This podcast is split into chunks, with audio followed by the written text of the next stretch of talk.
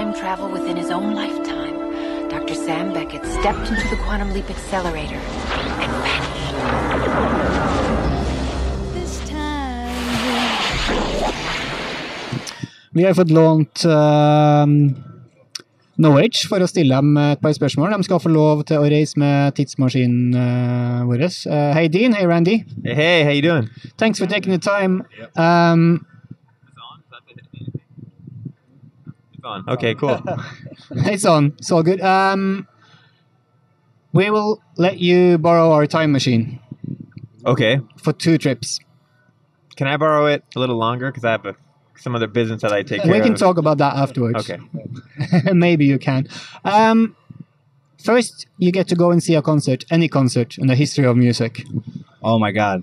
I would love to see Black Flag with it was uh, the five members with Dez on uh, guitar, Greg Ginn on guitar, Chuck Dukowski drums, Henry Rollins singing, and uh, Bill Stevenson playing drums. Maybe, maybe. Ooh, I don't know. I think no. I feel like a like a like a hometown sort of Los Angeles show. Maybe that. You know what show would have been awesome is the um, the Palladium with Black Flag, all five members opening up for the Ramones. Oh, There was a riot out front. I've seen pictures, but I would love to to be at that show to see Black Flag with that lineup and the Ramones. Still five members then, right? At that time, I think that was still the, the time. I liked that when Dez was still playing guitar. So that Sounds would be good. mine. Yeah, Dean. what what would I? borrow the time machine? Go back in time. Does the time machine go to the future or just back in time? any you can you can go forward. I can go to the future. Yeah, yeah, yeah. Ooh. The future. like Bill and Ted's. You can go to the future. You can even play in a band in the future. So I can go see No Age in 40 years play. Yeah, Yeah, you didn't look. You're like that's lame. Come on, that's a lame answer. that is a bit. Yeah, You can Okay. see it, not be in the I can see it. Right. Oh yeah, I'm not in the band anymore at that point. I would just. You- a robot version of you. Yeah, I'm the tour manager, and I'm just. so why did you get play. kicked out in the first place? What happened? drugs and the whole Yeah. deal, the whole thing. I stole. I stole a yacht.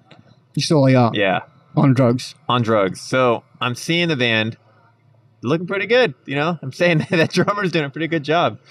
Is it really? A robot version of you. Is Well, he a- a he- clone. It's not a he. It's, tra- it's transgender human, but they're doing a pretty good job. They them are doing really good, and yeah, you're. Oh, of course, oh. yeah, you're there. How do I look? What are you talking about? Do I still have hair?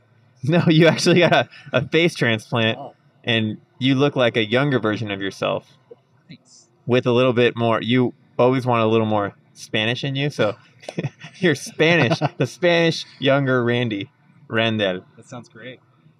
Anyway, Randall, that's how's that? That's pretty good, huh? Yeah, that's good. We got uh, New Age and Black Flag. Yep. Yeah. The gigs. Yeah. Now for the second trip, you uh, have to assemble a band. Ooh. Um, I wouldn't go forward in time on this one. we Yeah. go, go backwards in time. Yeah. Okay. Um, any musician from any period, Wow. um, you have to be in the band All right. or in the crew. So you have, Well- you have to be a part of it. All right. Well, I think I would g- go back in time to uh, Here Come the Warm Jets era Brian Eno.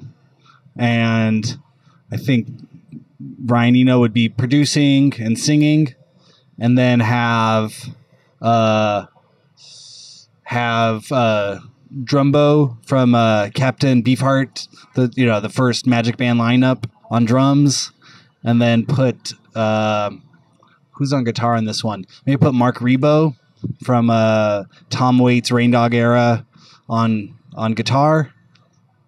I think I think that group could happen. Who do we, who do we have on bass? Gosh, I'm trying to think of the, the, the bass player. at The time J- Jaco Pastorius.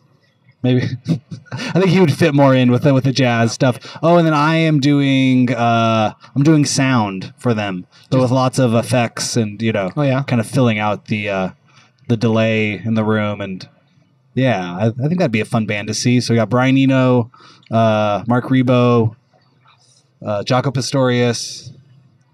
Who, who am I missing? Oh, and Drumbo from uh, Captain Beefheart. I think one of my What the fuck? co-hosts' head just exploded by this. Do you have uh, on the top of your head a band name? Ooh, wow.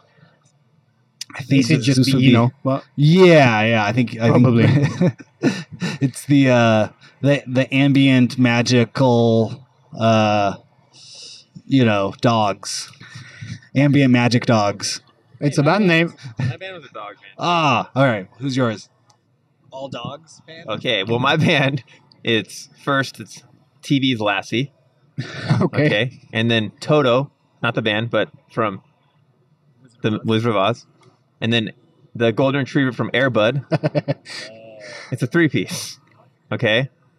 Now, they're triggering samples. It's all electronic based band. And Okay. I'm the tour manager. You're the tour So manager. I'm wrangling them. I'm walking them every day, picking up their shit, and then we're uh, going from show to show. And they're sort of improvisational because they can't. They don't have very good short-term memory.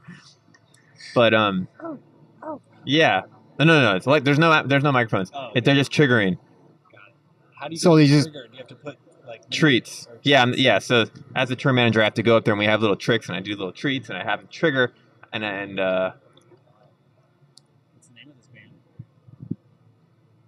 You took their name. Uh, Yeah, I know, you kinda- yeah. Part I know. Uh, the fuck the the what would it be called?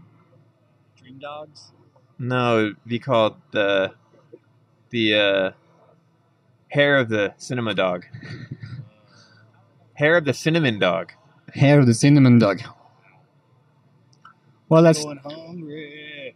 Yeah, temple. They cover temple of the dog. But I think that would be interesting to see non-human band on tour and a tour manage a non-human band.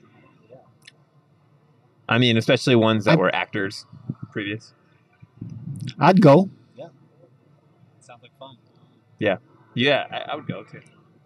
Okay, thanks, And- guys. and- oh, oh, oh, oh, though, yeah. there's also a good GG Allin element of shit and piss on stage that you know That's true. so it's dangerous too i'm not it's, it's not just a kitsch thing this is really dangerous art I think the first 10 years of this tour will be squats yeah only, and then you can move on. yeah all right well thank you Well, thank you.